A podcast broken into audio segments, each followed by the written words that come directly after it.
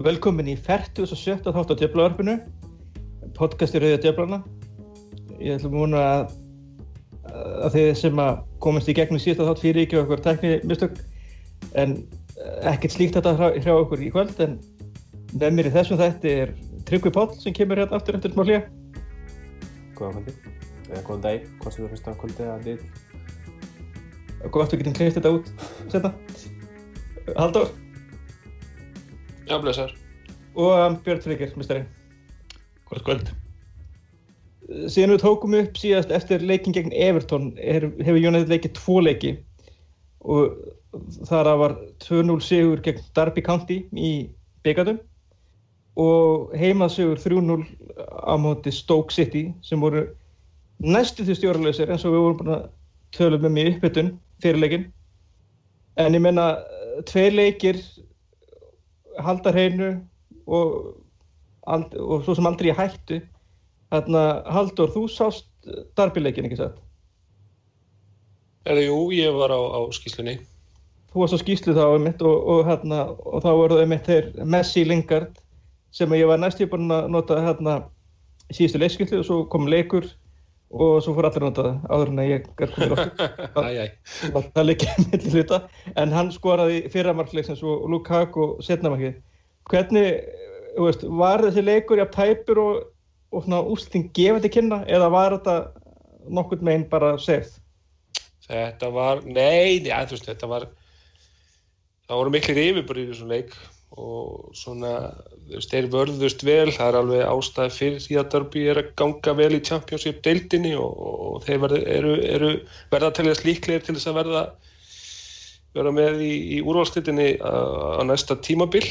Og þetta er alveg, þeir kunna verjast þeim, þeim leiði alveg ágætlega að verjast djúft og, og, og hérna og svona fá á sig pressu sko en, en þetta var svona maður, þetta var típiskur byggarleikur gegn neðri delta leiði samt sem áður þar sem maður beid bara eftir því að, að, að þeir myndu bara ná að nýta eitt af þessum færum og hérna og svona klára það sko. Og, og Jújú, jú, hann átti fína leik í markinu hann Karlsson en, en var líka daldið að fá kannski eh, ekki derfiðstu skotin til að verja. Og var það auka spinnur mjög vel og, hérna, og einhver færi og svo, svo var líka einhver klauaskapur í gangi það var, þetta var Rashford byrjaði þarna fremst og hann var svona já, ég veit ekki alveg. Vist, hann hefur ekki á, alveg átt svona bestu vikurnar síðustu vikur. Og hérna, held samt áfram að reyna og, átti þarna tvö skot í stöng og og einhver færi sem hann náði þó að koma sér í sem að, að maður taka það með inn í þetta og, og hérna og svo var hann náttúrulega bara minn maður Jesse Lingard sem að hérna sem að, þú veist kemur með, hann, ég meina maður gæti ekki skora ljóttmark þótt að reyndi sko, þetta er bara ótrúlega hvernig, hvernig, hann gengur þessa dana og eftir það þá hafði maður aldrei ágjörðað þessu sko. Nei, þetta, eins og segir, þetta var svona upplifin allar mín var að var, maður var svona frekar og rólugur þó, þótt að maður væri hérna stöðin 1-0 en svo hérna svo kemur við hérna smá hlýja það sem er liðið fær smá frí og fer til Dubai. Björn, það verist hafa virkað ef við lítum á hvernig menn líti út gegn stók Svín virkaði. Fínt að fá frá, smá frí frá regningunni og kuldanum í mannsestur og, og ná liðinu saman, menn voru greinlega mjög vel peppaðir fyrir þessu. Og svo þetta sé eitthvað langt þá verðist það ekkert hafa, hafa þreitt, þreitt menn og uh, Lukaku kom hvað einna best út úr þessu, fannst mér allavega í stókleiknum og, og ég veit að fleirum fannst það og þetta verðist það á sín virka. Eitt sem við, við reyndar skildum ekki alveg var það að hérna, Sergio Romero fór ekki með sem að er mjög fyrirlegt og hann var ekki á bekknum á múti stók Hefur, og er það hugsa um að það er eina komast í Argentín, halda sæti sín í argentínska landsliðinu, það er einhver þeir eru að spila einhvern smáleik í Moskú þannig að 14. júni eða svo eða ekki nei, 16. júni genn einhverju smáliði hann þarf að vera í landsliðinu í sumar en, en það er svolítið talað um að hann sé að fara að öðru leiti virtist þessi dúpaði fer bara að vera vera skemmtileg sko þannig að uh, það var príðilegt að við lendum ekki í, í þessari í auka leiki í byggarnum og var kannski smá hana, smá síðan þá um tíma en það voru sem liðinir að keppi kvöldi í byggar og, og United þarf ekki að vera á að gera því þeir eru kominir áfram og það er stórleiki í óvill Jú, jú, það er kannski komið að fá kannski svo annar mark frá Ander Herrera. já ef hann, færa, ef hann kemst í hóp Ég hafa gefst í hópin. En hérna, Tryggvi, þú sást stók leikinn, hérna, hvað fannst þér vera öðruvísi í þeim leik heldur en í síðustu leikin fyrir pásu? Ég veit það ekki alveg, það er sko kannski eitt með hérna, þetta frí, að mann tala ofta um að það svo væri gott að það setja vetarfrí í, í ennsku deildina og leit, láta leikum fá pásu. Þannig að alltaf fengu okkar menn hvað er það, nýju dagar ekki frá lögadegi til mándags án leik sem sagt.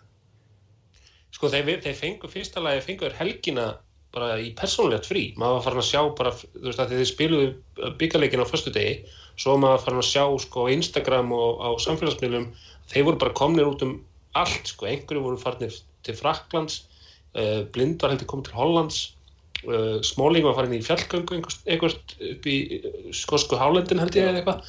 Þannig að þeir fengu grein, greinilega helgina bara í persónulegt frí til að gera bara það sem þeir vildu bara sjálfur sko. Einmitt. Og, Þetta- hérna, og svo bara hittust þér á mándeginum og fóru þá í þetta, í þetta svona liðs eh, frí eða svona ferð. Og, og þannig að þeir fengu í rauninni bæði persónlegt svona space og frí og líka þessa ferð sko. þannig að ég held að það hefði bara verið mjög, mjög, mjög fínt sko, Já, þessa, þessa tíu dag þetta var í rauninni frá föstudags kvöldi og svo næsti leikur á og þetta geti alveg skipt sköpum hérna svona þegar komið fram í hérna, business end á, á tímbilinu eins og menn segja hann í Englandi sko, að, að fá svona óvænt tíu daga frí í, í janúar, það gerist mjög oft, janúar er oft hansi svona hansi annarsamur mánuður. En veit þeir á mánudeginu með fóruð þeir á sunnudeginu, ég man það ekki. Þeir fóru á mándinum til Dubai þeir fóru á mánudeginu eða Þetta var hvort einmitt- þeir hittust þar? Ég meina þeir voru búin að vera eins og einhvers, einhverju voru farnir til Evrópu og eitthvað sko. En ég heldur hafi nú örgulega hist allir í mannsæstir hérna á mándin og farið þá. Þetta Saman, var sko. mjög fínt að það hefur svolítið verið talað um það að þeir séu, leikmenn séu mjónaði þeir eru hann að fá fleiri eða, af og til fasta frídaga sem það fyrir fram ákveðna. Og, og þessi helgi var einmitt þannig að þeir hefur alltaf fengið hérna þetta frí, sama hvernig leikir hefur farið það er að segja helgafríð þetta kuð vera mjög vinsælt hjá leikmennum þeir fá alveg einn dag oft sko það sem er bara þeir megi fara og gera eitthvað. En mér finnst einmitt skemmtilegt að sjá mér finnst einmitt skemmtilegt að sjá hérna að þegar þeir fengu þessu helg, þetta helgafrí þá fóru Lingard og Rashford saman til París. Þannig að það er svona þeir greinlega þurfa ekkert frí frá okkur öðrum sko. það er mjög príðilegt þeir verða þá saman í Herberg í Rúslandi kannski. Já, en svo með stókleikinu, maður kannski sá það í fyrirleikum morinu hafa svo sem orðaði eftir leika. Það var svo hálfletilegt sko. Fengur náttúrulega ansi óvænt mark frá vinsturlöpun og Antonio Valencia og veist, mann sá svona eins og þeir hafi svolítið slappað af hann allir leikmennu, þetta var svolítið hægt. Menn var að taka mútið boltanum og eins og menn væri bara í hittanum í, í Dubai og við vorum nú eiginlega bara svolítið hefnin að stók skildi ekki jafna, það var tekið að var allavega einu sinni og og Phil Jones tók einhverja ótrúlega Phil Jones vörslu hafa þegar hérna, einhvern veginn bara hann hefði getað varið, ég veit ekki hvað það gera með bakinu eða eitthvað. Þegar einhver stókari var að fara að setja í boltan í hérna eitt neti hérna, þegar Krauts hoppaði yfir TGA Var ekki alltaf Stephen Erland sem var að lauða með sér hérna inn í teg og var svona með smá leikform með kannski náða pótinn já, ég veit.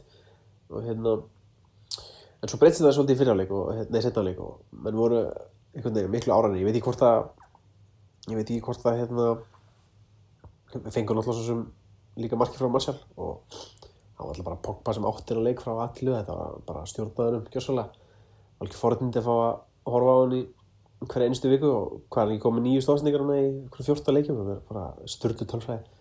Já, hann er með jafnmarga stóðsendingar og, og hérna kemur til braunni en með eitthvað um tíu færi leiki spilaða. nákvæmlega, það er ekki tilvílun að það kom smá hérna lagið í spilamennskunni United þegar hann var meittur sko, það er bara, hann er hann er bara sköpunar gáðan í þessu liði frá algjörlega og það bara er kannski svolítið slæmt að, hérna, þurfa svona að treysta svona rosa mikið á eitt leikmann það væri betra að hafa aðeins fleiri svona svona leikmenn sem eru kreatífa þegar við erum alveg þú veist, strákar sem geta slúta og strákar sem geta varist en, en kannski þessi svona úslita sendingar skortur þeim og það var kannski hlutverki sem að vildi að mikið tærjan hefði getað fyllt en hann hefur eitthvað alls ekki tekist það frá því svona cirka í ágúst. Kannski ástæðan fyrir því að hann er á leiðinni í burtu.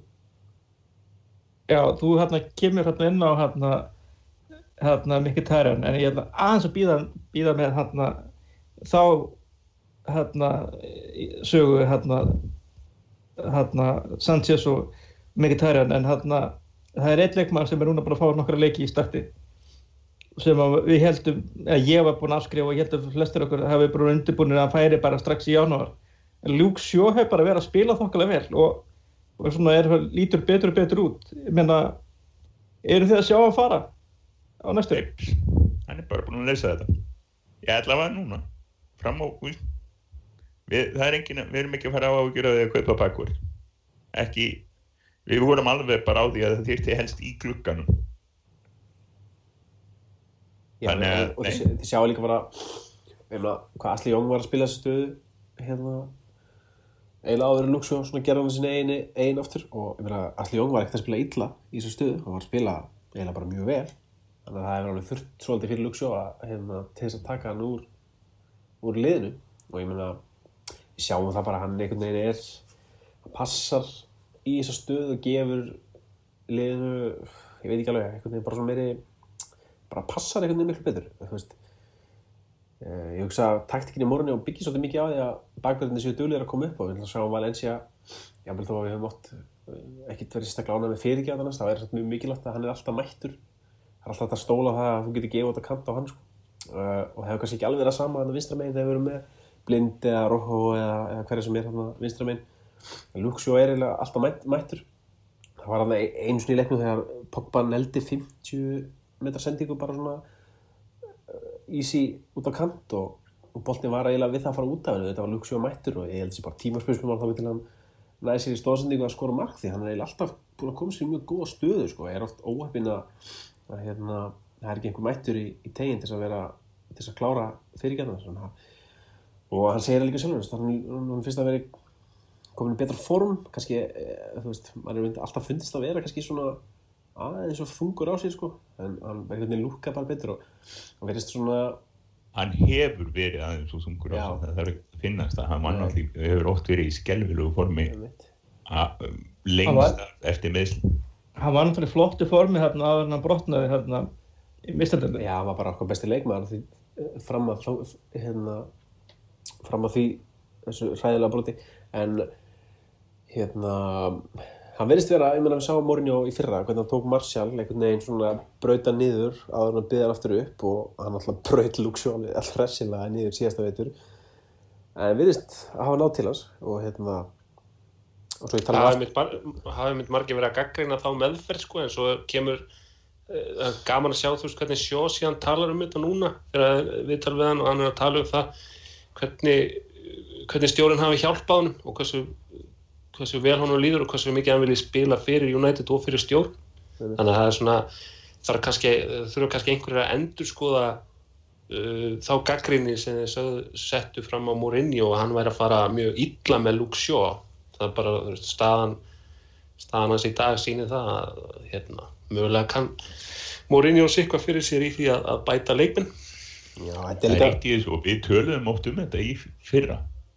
Og við höfðum samanbyrðum vegna þess að þegar við vorum akkurat þegar við vorum að tala um Marshall þá var það alltaf þannig að við bárum hann saman við við þá félaga hérna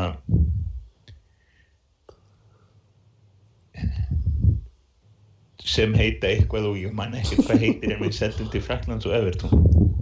Já, Debay og Sneddrin Já. Og við sögðum hann er alltaf að tala niður Marshall eða alltaf að skjóta Marshall og alltaf að tala um hann og líka um sjó á þeim tíma.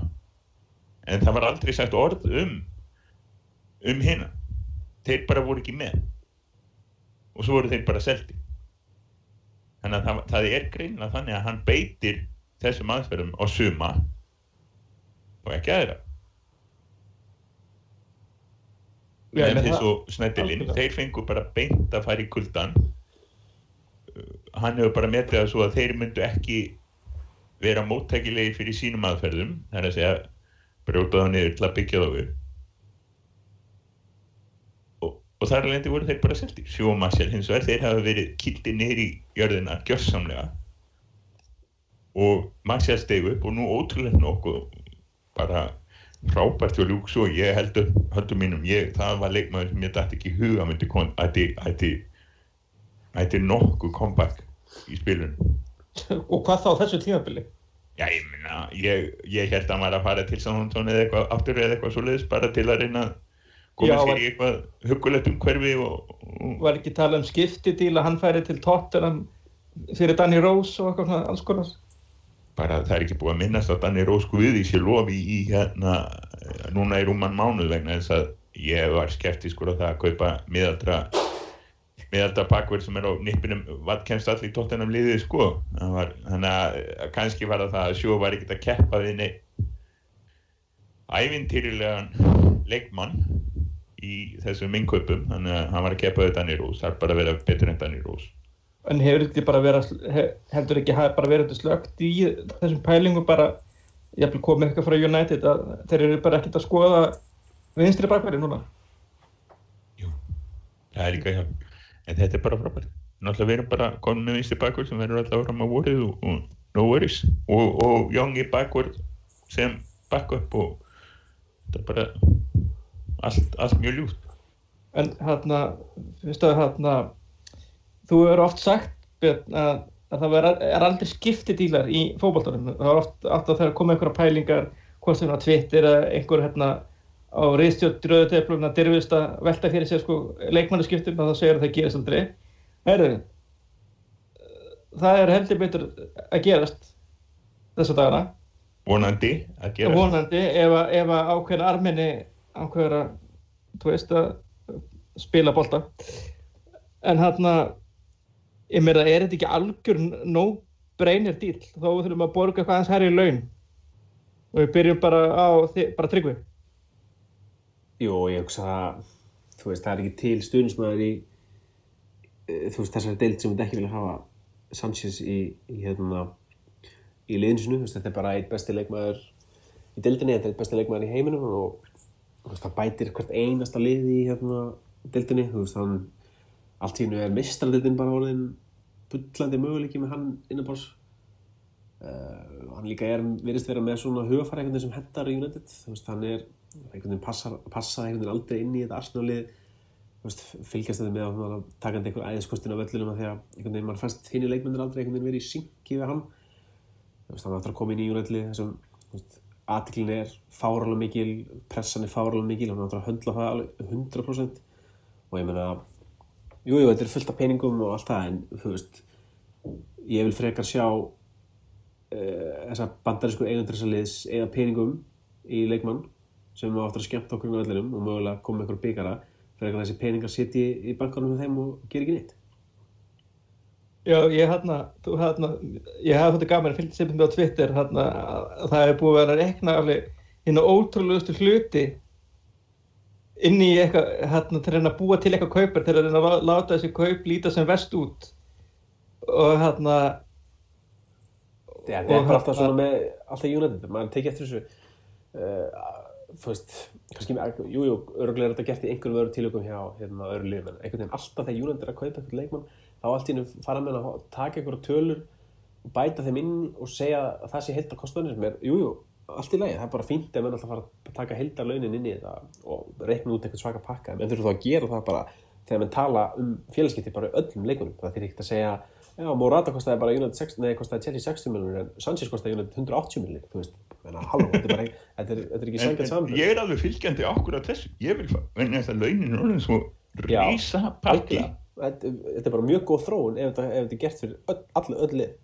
á nákvæmlega og svo er líka þetta að það sem skiptir rosalegu máli varðandi í fjármálin er það að verðið er afskrifað yfir samningstíman þannig að í raun og veru ég er að horfa hérna á tísti frá Gary Neville sem að við tölum sem að tala svolítið um hérna á þriðdags morgun í kjálfar umræðuna sem hann tók við hérna, Jamie Carragher á, á, í Monday Night Football á Sky á, á mándaskvöldið og þá er mitt tekur hann þetta. Hann tekur dæmi ef að setja eða kipta hann á 660 miljónir í fyrra og borga hann um 290.000 pund á viku í fjögur ár.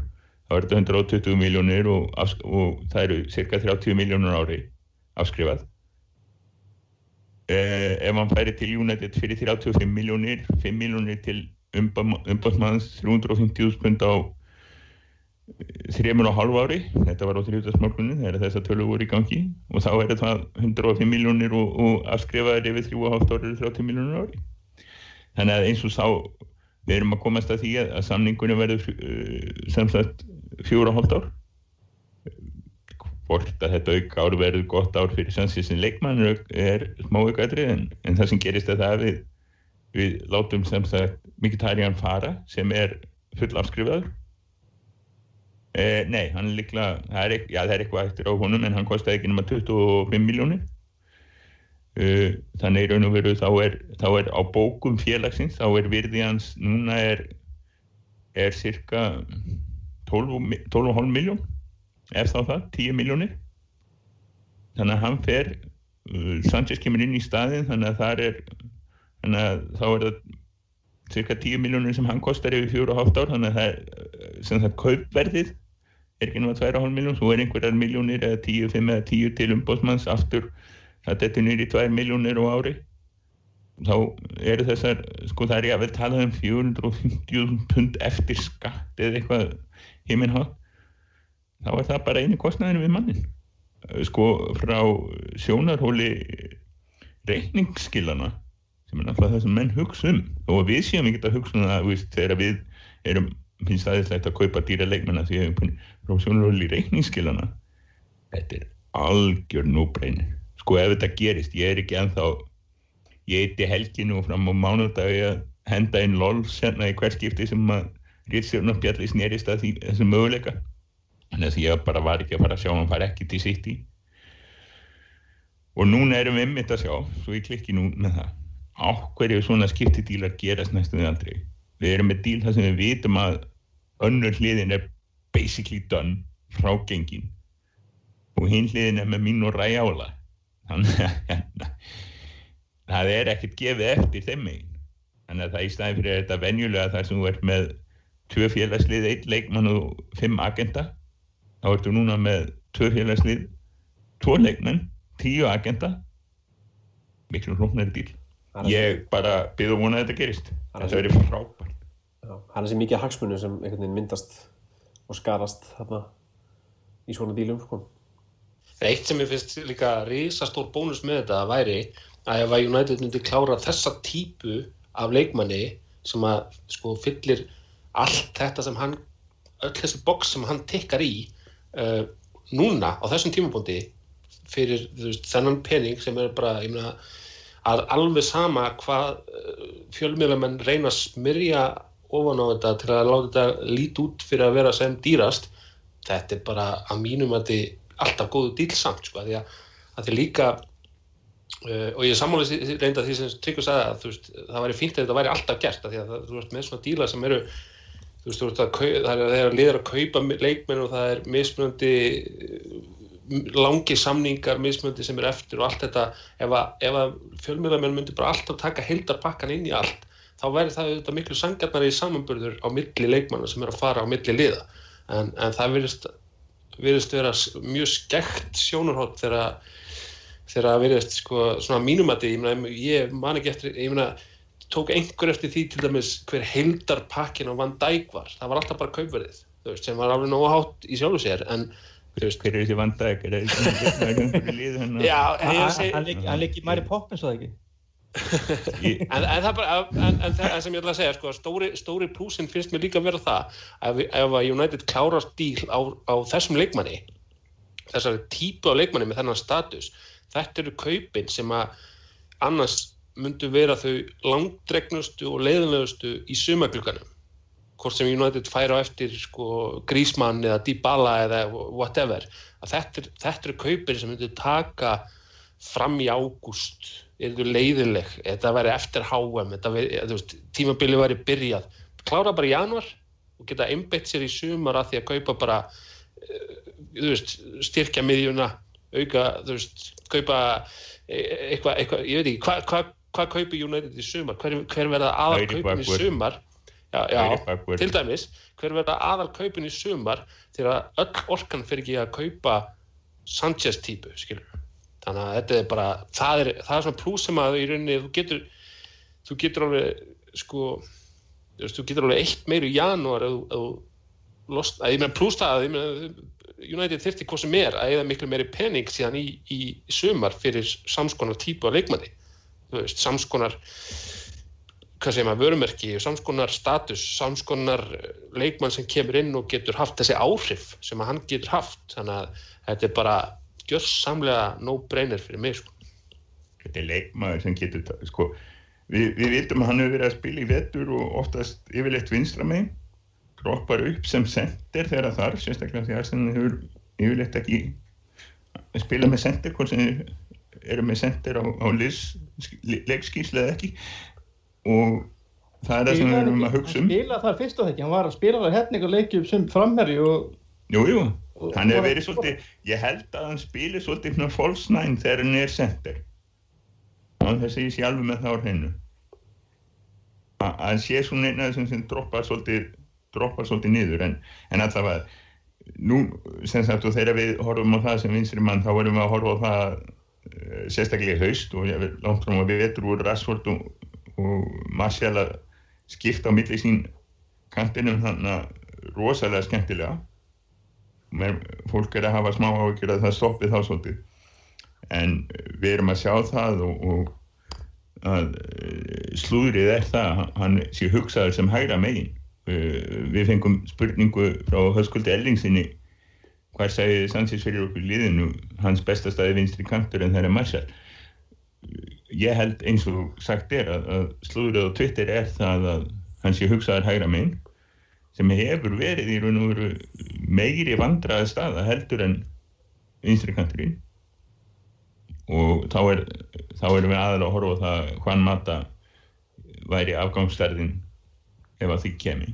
Og ég held með fullri virðingu fyrir hvaðan mata og mér langar mest að, að leita Runál upp og knúsa hann svolítið því ég segi þetta en það er að velja á myndi hvaðan mata og Alexis er algjör nú brinni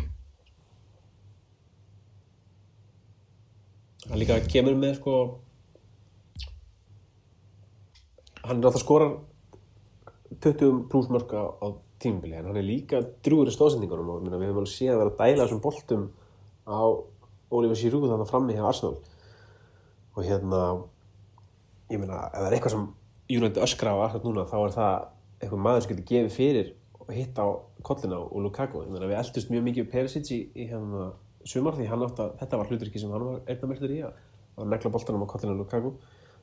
Um, kannski bara gott að United gæti ekki kæft Perisic því að peningur sem átt að fara hann er núna veintilega að fara í, í, Sanchez og hann er ekkert víst að við höfum haft efni á Já, þú veist að það hefði ekki verið kannski réttlægt að kaupa Sanchez ef, ef Perisic hefði líka verið komin kannski ekki jafn mikið þörf á hann uh, ef hann spila hægra megin þar sem hann byrjaði nota benni uh, þú veist, þar sk- skaust hann fyrst upp á stjórnum þannig að hjá Udinese á hægri kantinu ég held líka að hann hefði spilað á Barcelona það var hann oft en ekki á, á hægri kantinu en líka, jafn þó að ég hugsaði sem vinstri kantmaður, hægri kantmaður og þá getum við haft hann með Martial og Rashford og þeir geta verið að fara hann að skipta fram og tilbaka þannig að það verður rosa erfitt fyrir alla vartindan einhvern veginn að að díla við þá líka og, og, og líka með Lingard þetta með sem hefur verið að spila með öllu þreim hérna, stöðunum og síkastu Já, og svo er náttúrulega bara með þessu kaupum er náttúrulega breytin bara orðin að bara fárálega hann frammi sko. bara, það er og við viljum samt eitt dýpala er það ekki?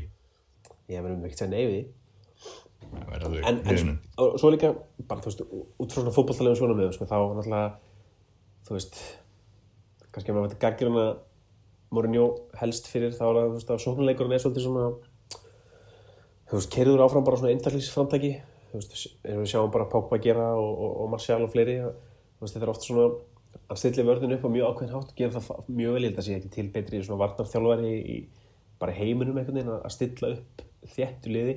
En svo svona gegnum tíðina þá hefur alltaf bara verið með það góða leikmenn frammi að hann er ekkert þurft að hafa miklu áhyggjur á sóknarleiknum maður sér það bara alveg svart og hvíta. Sóknarleikun hjá United er ekkert jafn skipulegar og hjá City og Liverpool sem spila mjög svona ákveðna típa sóknarleik. Uh, og Sanchez náttúrulega fyllir það svo vel í þetta skara því Mourinho er aldrei að fara að verða eitthvað svona sókn og þjálfari en að fá manni svo Sanchez sem getur ekki svo sprengt upp leiki alveg lið sko, að, að það einhvern veginn fittar fullkomlega inn í þessa stefnu. Þannig að Mourinho, eins og sé, hann er ekkert að fara að sigra Pep og Klopp í einhverjum sóknuleik sko. hann þarf að gera það einhvern annan hátt.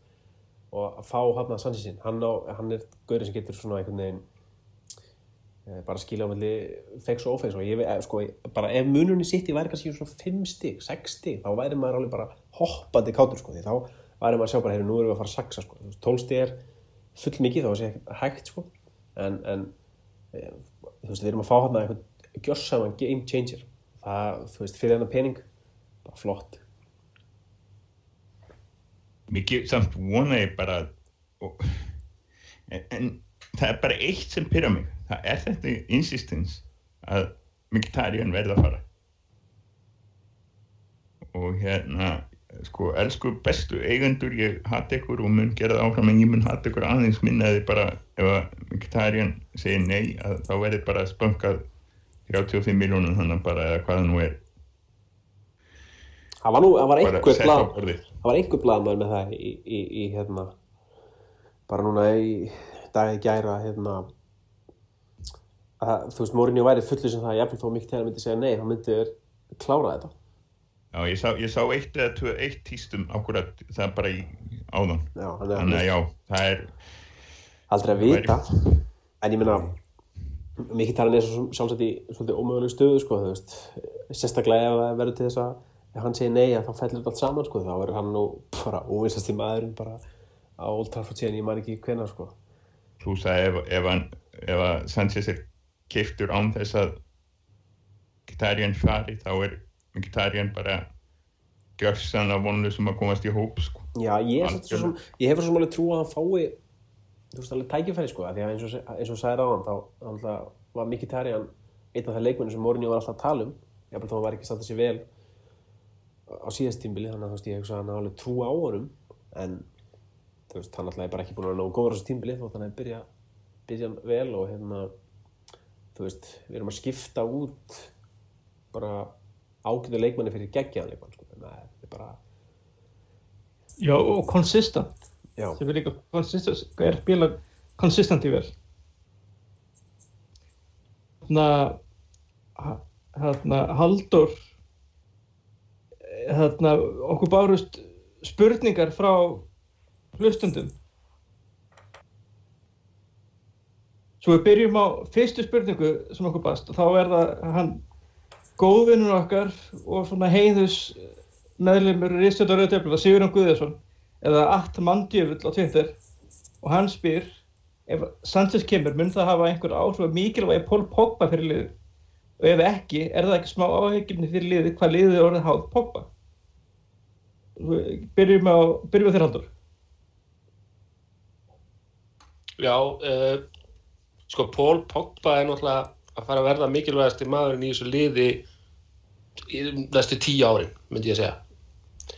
Þannig að hann verður áfram mikilvægastur en það er ágætt að hafa einhvern sem að getur komið og svona tekið aðeins af honum á honum svona kannski mestu ábyrðina sko. Þannig að hérna, já, ég hugsa að ég hugsa að hljóta hafa einhver áhrif að þannig erum við komið með annan leikmann sem getur svona búið til eitthvað fyrir sjálfa sig og aðra bara upp úr engu. Þannig að hérna klárlega getur það verið til bóta sko. En, en jú, eins og við vorum að tala um áðan þá hérna klárlega áhyggjafni að, að hvað lið hefur verið bara svona háð Pól Pogba. Sjáðum það til dæmis í stórleikjónum sem að hefur kannski verið uppspretta hvað mestra gaggrinni á, á hérna Mourinho í vetur að hvernig stórleikja stóru leikirnir hans, veist, hvernig, hvernig hann setur upp stóru leikina sína. Og það er bara því að hann hefur bara haft Pól Pogba í einum stórleik og það var leikurinn sem United vann 3-1 gegn Arsenal þar sem Pól Pogba var einmitt með tvær stóðsendíkar þannig að það kannski sést það mjög, það sést mjög vel á þeim leik hvað United hefur saknað í hinum stórleikinum þóttir hafi svona farið misvel þá hérna, þú veist þú ert ekki með Paul Pogba þá, þá átti þetta að sagnas Tryggvi? Ég held að sé alveg klart að mikilvæg hans muni minka en það verður svolítið sem að verður fárlega mikið. Eh, en það er alltaf að færa leikmann sem svona er hægt að treysta á og gera það verkum að við þurfum ekki alveg jafn mikið að vera jafn háð honum og við hefum verið. Um, spurningin er alltaf sko að við hefum séð hann í síðustu leikjum þá hefur hann verið í fjóru þrjum þrem og left Pogba að vera svona vinstra megin aðeins frjálsari. Og það hefur gefist mjög vel. Uh, þannig að spurninga einhvern veginn sko getur við verið með Sanchez vinstra megin og Pogba líka vinstra megin? Er það ekki heldur mikið lagt á herðar Luxjó þannig að það er spurning hvort að þetta þýðir það að við farum að sjá Pogba aftur í, í tveggjamanna miði sem náttúrulega hann getur leist fárlega vel en uh, kannski skemmtilega að sjá hann hann að vinstra megin sko í svona aðeins framar Já, nema náttúrulega að, að sögursöfnir eru réttar að, að Mourinho sjá hann fyrir sem leikmann hægra megin. Já, þannig að ég hugsa, já ég segi, muni minka mikilvægans en mikilvægans verður samt að þá fárlega mikið. Þú ert sábála því, eða hvað, Björn? Já, ég eh, eh, þetta svona eftir í hvað þú hugsaður um mikilvægans mun ekki minka hins vegar kemur Sanchez með auka kraft inn í lið þannig er hann að vera hlutværsnett mikilvægi minkar en, en absolutt mikilvægi helst þið sama. Basically við verðum að fá frábæðan leikna hann ef Alexis kemur og það verður bara ég, mér þætti mjög gaman að sjá hann hæra mig vegna þess að eins og ég fór í áðan þá er þetta vandastaðan og, og eða svo staða sem hefur verið hvað veikust þá, þá getum við haldið áfram að spila eins og við höfum verið að spila án mikill að breytinga. Pogba hefur fengið meira frelsi undanfæri eins og Mourinho hreinlega talar um að liði sé að hreinlega aðilega að sé að Pogba. Það er spurning hvort að Sanchez eðir eitthvað það eitthvað smá en ég hef ekki stórar ágjör að Pogba er stærri en Alexis eins og staðan er. Já, er, hann, Alexis kemur inn í lið það sem hann sem hann þarf ekki að, það er ekki allt á hans herðum allt í einu. Það sem var náttúrulega alveg alltaf, hann var besti leikmaður á sinna það var allt á hans herðum og þegar meðleik, meðspilarnir voru ekki að standa sig þá var, var hann rosalega fúll. Það er eini gallin við hann sem maður hefur heyrt. Hann rekst ekkit óbóðslega vel í hóp alltaf. En nú, núna er allavega einn leikmaður fyrir sem er meira nú, stærra númi sem ég held að ég bara eftir að hjálpa Alexis ég meina, mér er ekki að opna líka bara hluti fyrir Pogba, náttúrulega snöggur leikmaður og hleypi mikið og duglur að opna fyrir, hjálpa Lukaku og held, já, og og, og Rashford. þetta breytir bara liðinu, þetta er allt í einu hraði ef við berum hann saman enn og aftur ef hann kemur í staðin fyrir mata þá er þá er hraðaukningin all veruleg það er ökkri Já. og alltaf ert komið með hann í liðið á saman tíma Pogba þá ertu þannig komið með leikmenn sem liðin einhvern veginn verða hálfpartin að setja tvo leikmenn á sko. þannig að já, rétt hjá mikið þetta munur örugglega opna uh, mjög mikið plás sko. en líka samt eitt sko með að við höfum oft haft svona þú veist, einhvern veginn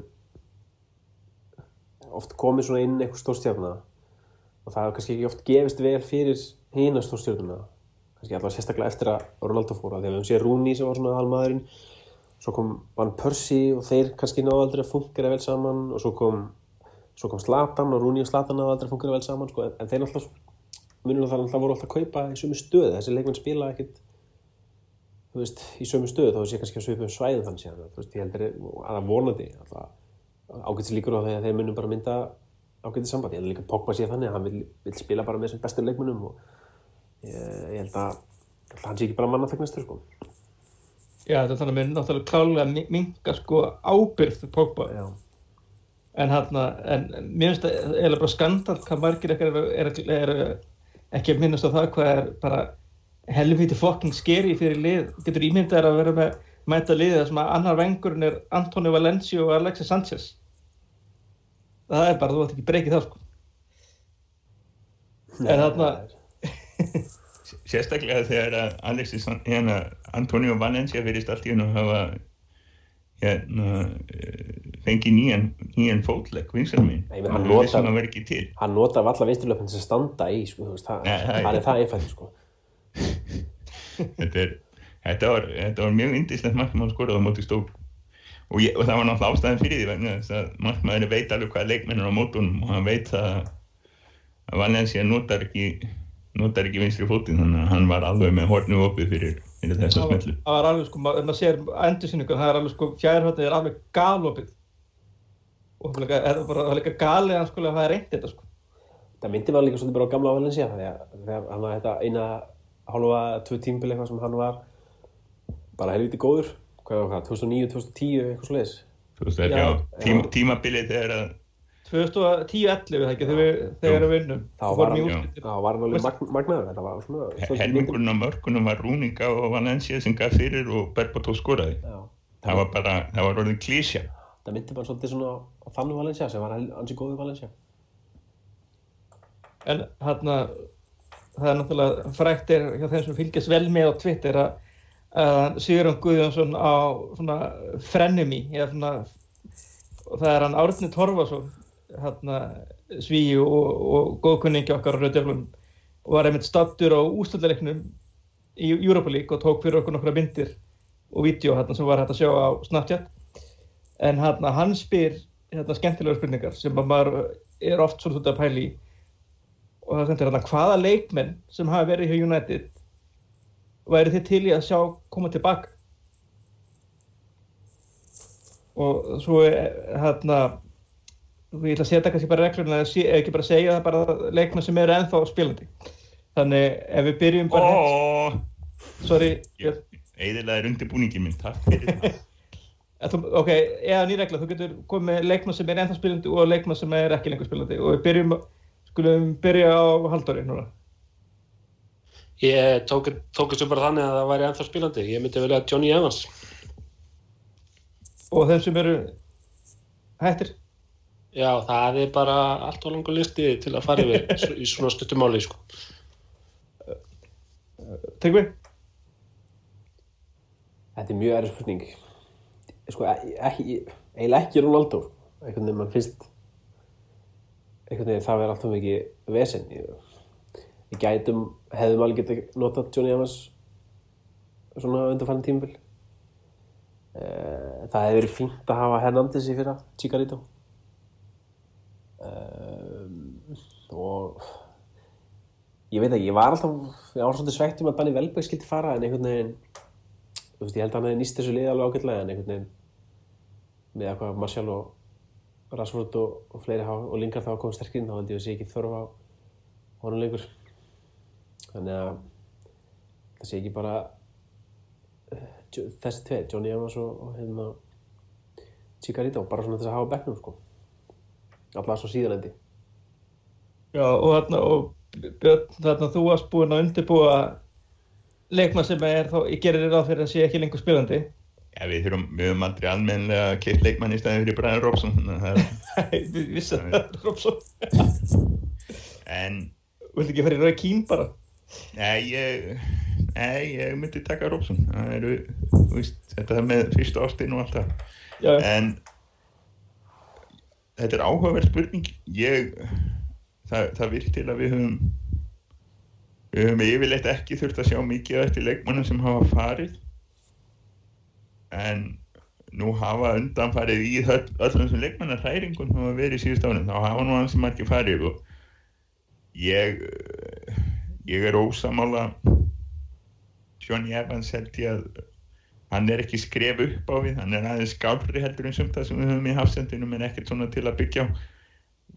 Chicharito hefur ekki verið að standa sig í vetur. Ég, ég var einn af þeim sem var bara alveg rólegur yfir því hann, þegar hann fór. Reyndar tímabilu og eftir hann kannski spila miklu meira það, var, það fór eins og það fór. Eini maðurinn sem ég sé svolítið eftir sem hefur farið frá United undanfennan ár var það að Angel Di Maria ákvað að taka ekki slægin. Hann, hann þótti ekki álægið hjá United og, og netti þess ekki og og ekki þóla á hann gaf. fór í auðveldra gig. Og hefur staðið sér ágætlega. Það hefði verið mjög ljúft að hafa hann áfram en það er meikar engan sens að, að myndi aldrei vera skynsanlegt að kaupa hann tilbaka. En ef að Cristiano Ronaldo kemi á frjálsins sölu sko, þá myndi ég ná í rauða teppið. Hvað með, Rafael? Já, það er einmitt það, það var hann einmitt enn að hann- spila hann hann er hann er hann, hann er á mínu lista. Klálega ég hugsa að við getum alveg nota hann hérna í þessari svona þú veist, við erum með Valencia og svo erum við með Darmian sem alltaf mér finnst frekar glataður. Já, ég, hann, Svo- við heldum að hann var að leiðin í burtu en það verðist vera voðalega hljótt með það já, núna. svo, svo, svo er nú ekkert mikið meira það ég hugsa að við hefum alveg getað nota Rafael sko. Hann hefði alveg, hann, hann, hann flokkast undir þá sem að fóru í hreinsunum sem voru kannski aðeins og miklar. já, En hann var, hann var samt á mörkunum. Hann, hann alltaf kom sér áfram bara á skapinu og, og passion og Hann er, nátt, hann er náttúrulega ekki nema 27 ára ennþá sko hann, En Fabio er að fara heim. Hann Já. er bara í einhverju, einhverju tómu tjóni þannig hjá Boró. það var svolítið opinn Þetta er, já, var það eins minn úr þeim heldur en var. En, en Ég nefnilega bara Mourinho- Rafael á góðum stað. Hann er að spila fyrir þokkalegt lið og Jú, ég hugsa samt að Mourinho hefði fíla Rafael sko. já, hann, já það er alveg, alveg á hreinu. Var hann ekki einna leik þegar um Mourinho var að tala um einhver leikum sem hann hefði aldrei selt og þá voru hvað, Danny Welbeck og Rafael á þeim lista Jú, Chicarito Já, tíkur Það er Sem nefnilega hefði væri, hel- það væri mjög gott að hafa hann hann á bekknum til að koma inn hvort sem hann væri til reyndar hvort sem hann væri reyndar burtið frá því hvort hann væri til í það hlutverk eða ekki sko en þá var hann inn í lokinn sum le leikjum. Það, það var ekki slæmt sko. Það hefði ekki verið slæmt. En svo óþar að kaupa hann en það var líka óþar að selja hann. En hann er reyndar svo maður sé nú alveg sangjart þá var hann ekki sérstaklega góðum stað núna. Það er aftur komið til David Moyes það sem er veginn náðu aldrei saman. Nei, en ég held að eins og komast inn á áðan sko, þá held ég að, að United hefði klálega getað notað hann á sísta tímpili alveg bara Já. með þau sko færin sem voru búið til. Alveg 100% sko.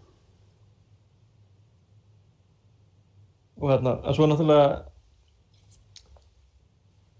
já, ég held að, sé, ég held að við séum nokkuð svona sammála held ég með þetta, ég hérna ætlaði með að koma með, með þarna Rafael og, og svo hérna var hann hérna Rói Kín hérna sem er, að þeim sem er ekki lengur spilandi.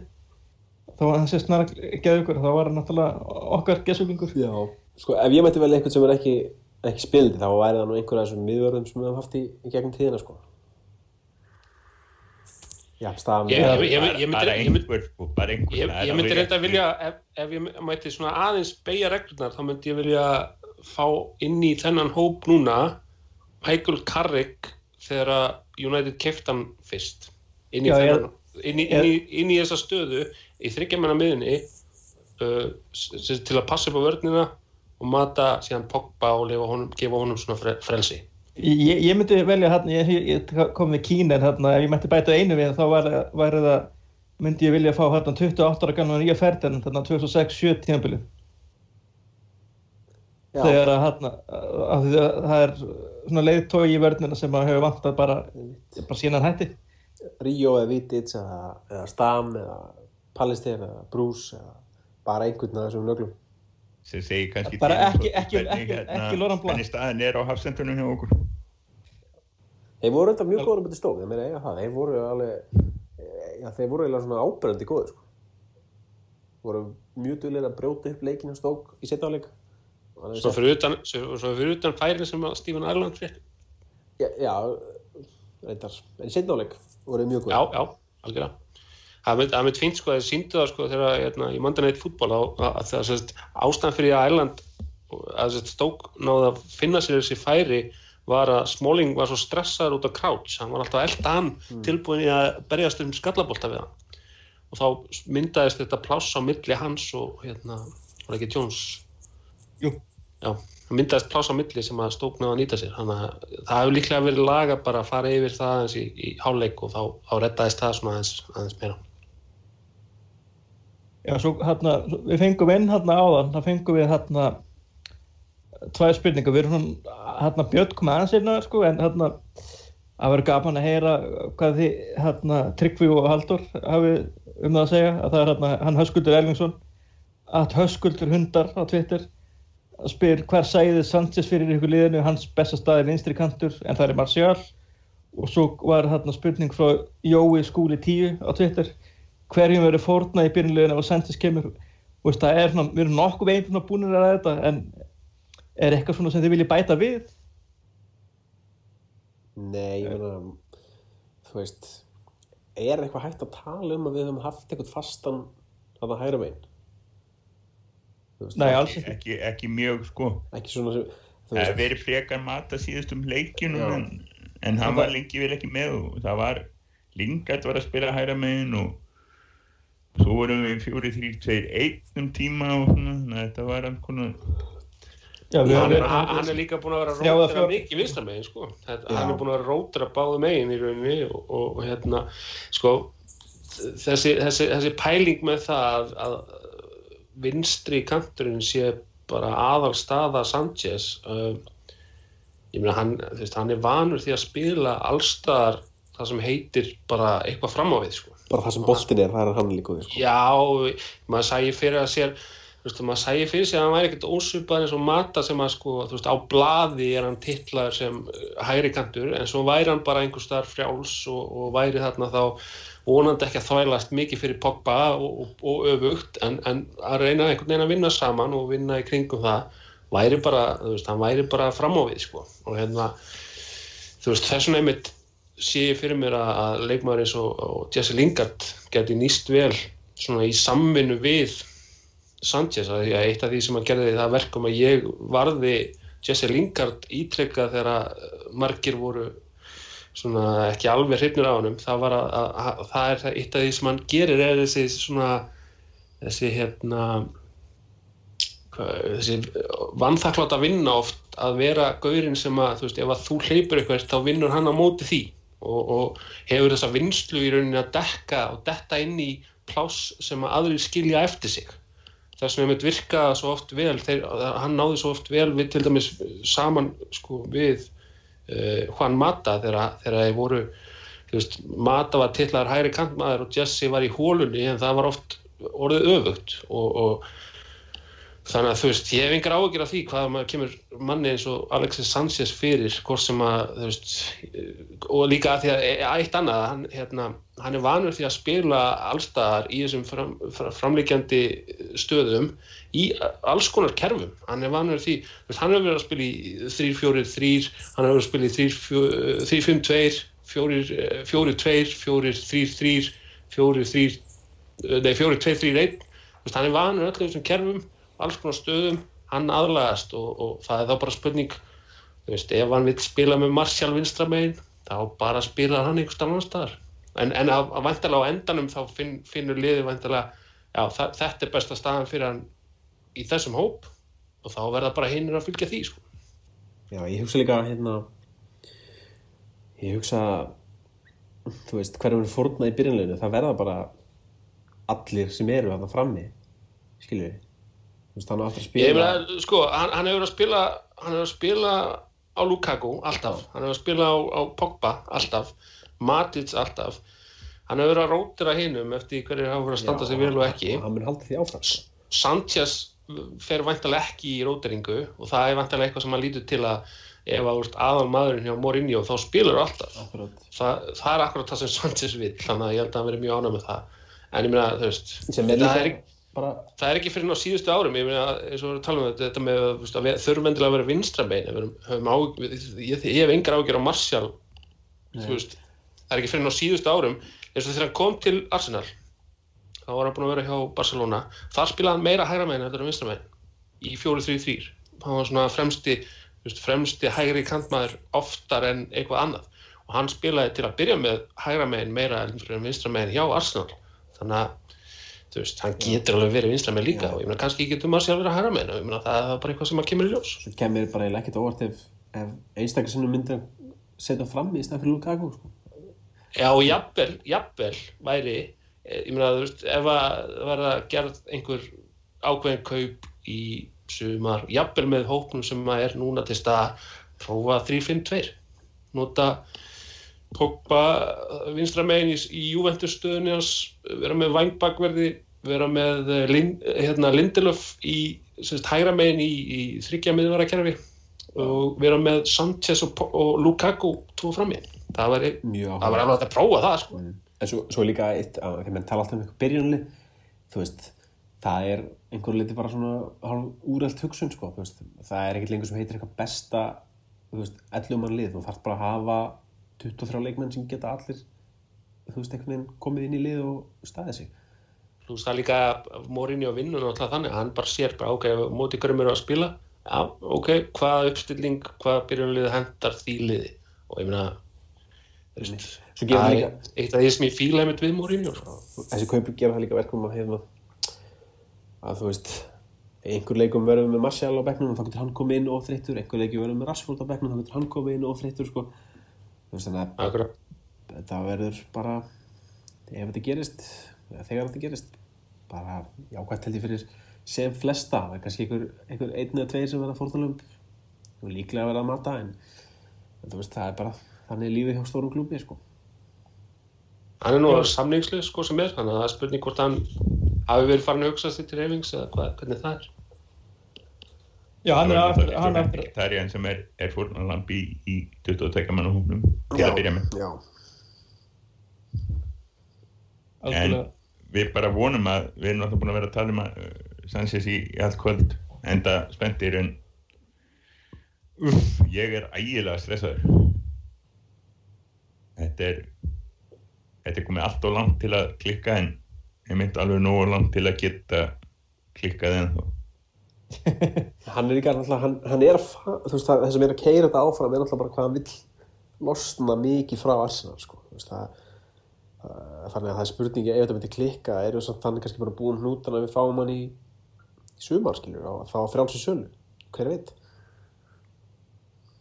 Þá fyrst byrjar nú heilt að kostnaðar tvítin maður. Já, Ah. þá líka, það, þá kannski er hann kannski ekki alveg jafn heillandi kostur, sko, það er rosalega heillandi einmitt að fá hann akkurat núna, sko þess að- ég held einmitt ef hann, ef hann fer í sumar ég held að hann ekki ég held að bæði United og City munum þá hafa minni áhuga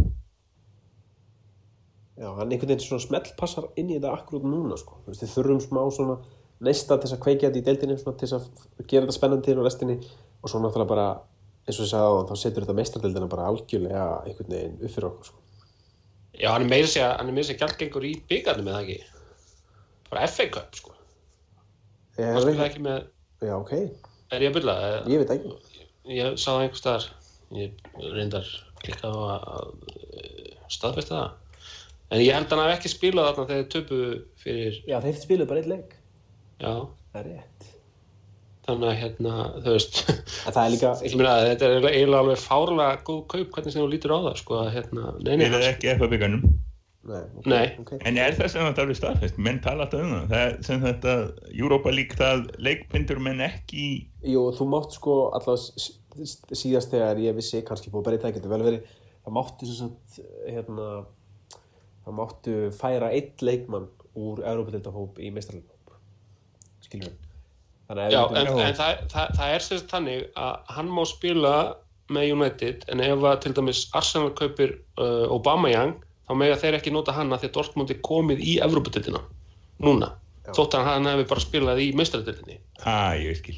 það er, hann, þetta, er- þetta er svona þetta er pínu þetta er pínu óþarlega flókin regla en þetta, að það er, er sérst staðfest að hann getur spilað í meistaratildinni með United. En ef við myndum til dæmis líka splæs í ösi þá þurftum við að velja milliða sko. hver er færi í meistarleikahópin ekki, sko. það er bara einn ein leikmann þetta var hann um árið þegar þegar Real Madrid kefti minnum við Klasan Hundelar og Lassan Diarra fyrir einhverjum 8 árum eða eitthvað.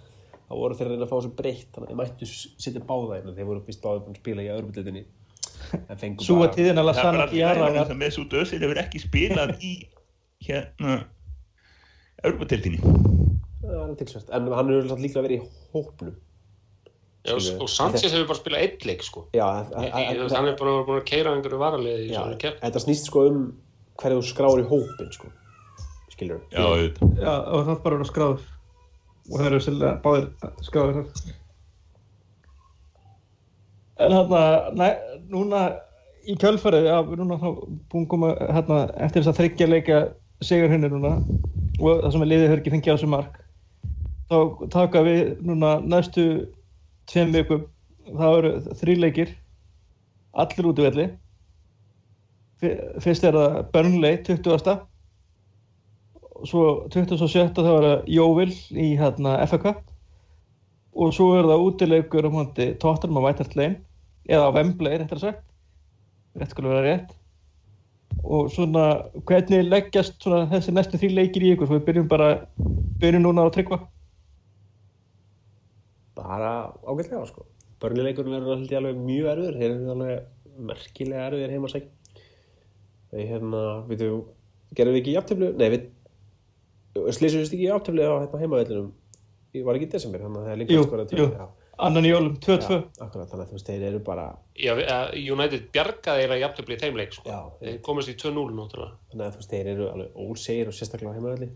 Þannig að hérna, það verður ekki döðult en ég menna, ef Sanchez verður kominn fyrir ef, ef það er búið að klappa, ganga frá þessu fyrir miðan dag á föstudaginn, þá má hann spila þann leik þannig að hérna, seg, segjum bara að hann skori tvö í þeim leik og klára þetta fyrir okkur svo er hann að ég og Vil þú veist, við hefum nú spilað við þá. Á þessum velli með þessu já, það var nú ekki skemmtileg leikur það var alveg fróttalega leikur leikur, var ekki Andrei reyða að skora eitthvað rosalegt mark í þeim leik? Jú, og hefur, hefur reynd og reynd síðan þá og ekki náða að leika, það eftir. Já, sko þessi, þessi byggarleikir á útileikjum, útivöllum og móti litlu liðum er alveg stórhættulegir, það getur allt gerst sko. og hérna þannig að það verður alls ekki döðuleg leikur þá eins og sem við ættum að taka þetta á. Og Tottenham líka verður bara mjög fróðult að sjá einmitt að því að þú veist Mourinho hefur alltaf verið gangrandi fyrir þess að hvernig hann hérna tekla stórleikina við tókum nú Tottenham hérna á síðast ári eh, fyrir áfnum það var þá mjög gaman að sjá einhvern veginn hvernig hann metur þann leik með Pogba og mögulega Sanchez kannski hvort það verði svo smá meiri sóknarhungi það verður mjög, mjög spennandi að sjá Haldur? Já, ég sko Jú, ég, ég er svona nokkuð svipari lín og, og tryggvi með þetta. Börnlega reyndar er ekki, ekki þeim, þeim gengur ekki vel þessa dagana. Svona heilt yfir, þetta er, eru í svona smá lægð, það var núna ekki unnið í eh, sjöleikjum í röð og hafa verið að tapa á heimavelli sko. Það var reynda mætt Liverpool og Tottenham í síðustu leikjum. Þannig að þetta er svona, veist, það er ekki sama sjálfströsti, maður sá það um jólinn þegar þeir komu á Old Trafford að spiluðu með svo, veist, þeir höfðu svo mikla trú á því, hvað, á því sem þeir voru að gera. Þótt að þetta væru mest megnis í vörn og þá bara, man, manni fannst þeim allt, þeir eru alltaf að vera hættulegir þegar, þeir fóru fram að þeir veginn, þeir höfðu svo einfalt og skipt plan og, og gerðu það svo vel að að hérna, það var þetta sjálfströst sem að hlýtu nú hafa bara aðeins dalað eftir sem að hefur svona liða á þessa, þessa sigurlausu hreinu. Þannig að þess að Sanchez eða ekki ég er svona nokkuð bjart á, á þann leik. Og svo kemur náttúrulega byggarleikurinn sem að föstudast leikur og sjónvarpinu þessa, í þetta skipti. Þannig að ég hérna, það verður jújú, jú, mögulega tími til að rótira mögulega strempið og svo kemur þessi hvað miðvíkudagsleikur tóttinam og hérna, hann verður mjög áhugaverður. Ef að Pogba talnúkjums, ef að Sanchez uh, verður í þeim leika þá hérna þá er ég bara mjög spenntur fyrir þeim leik. En tóttinam er einmitt búið að vera á, á miklu skriði þannig að ég veit ekki. Veit ekki hvort Það verður hvort að maður er svakalegu leikur, já. Þetta er alveg- þetta er maður, leikur. maður, sætti sér náttúrulega ekkert við eitthvað jafntefli en maður vil bara sjá ef maður sér ámjölega framistöðu sko að það, það væri gaman sko. En, en, en börnlega og jóvilætti United að vinna þótti sér útiföldi bara þannig að ég hef ekki, ekki mikla ráðgjör á þeim leikjum en, en Tottenham það verður spennandi að sjá. Að tóttina verður svona leikur sko, það er rosalegu leikur um það eh, hvort að við getum skilið tóttina eftir aðeins. En þess að annað til 15 seti er eh, að verða smá þéttur pakki. Þannig að ég, eh, maður verður mjög spenntur fyrir þeim leik.